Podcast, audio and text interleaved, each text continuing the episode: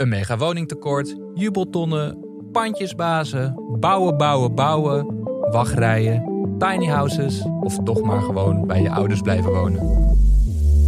Het is chaos op de huizenmarkt. Het bezitten van een huis is een privilege geworden voor alleen de allerrijkste. Is dit nou beleid of is hierover nagedacht? Dus wij, Volkert en Maaike, dachten... uitstekend moment om op huisjacht te gaan. En wel in Amsterdam, epicentrum van de hysterie. We nemen je mee op onze zoektocht naar een koophuis voor Volkert en zijn vriendin... en voor mij een appartement om te huren.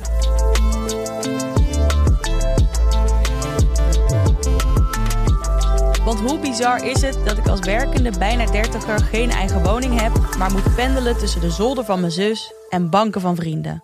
Ik heb nu zo'n grote toilettas waar dan alles in zit. Dus die kan ik zo makkelijk meepakken. Maar die, ik laat hem gewoon niet meer uit. Dus ook thuis, als ik dan wel bij mijn zus nu ben, dan sta ik uit die toilettas te leven. Naast onze eigen zoektocht vertellen we ook over andere schrijnende gevallen die we tegenkomen. Dit klinkt echt als een grote scam.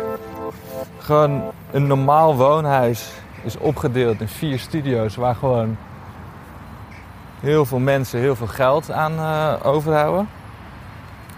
Maar dit huis, 150.000 euro. Luister vanaf nu elke woensdag naar Ingelul kun je niet wonen. En hoor of het ons gaat lukken om een woning te vinden in deze knotsgekke woningmarkt.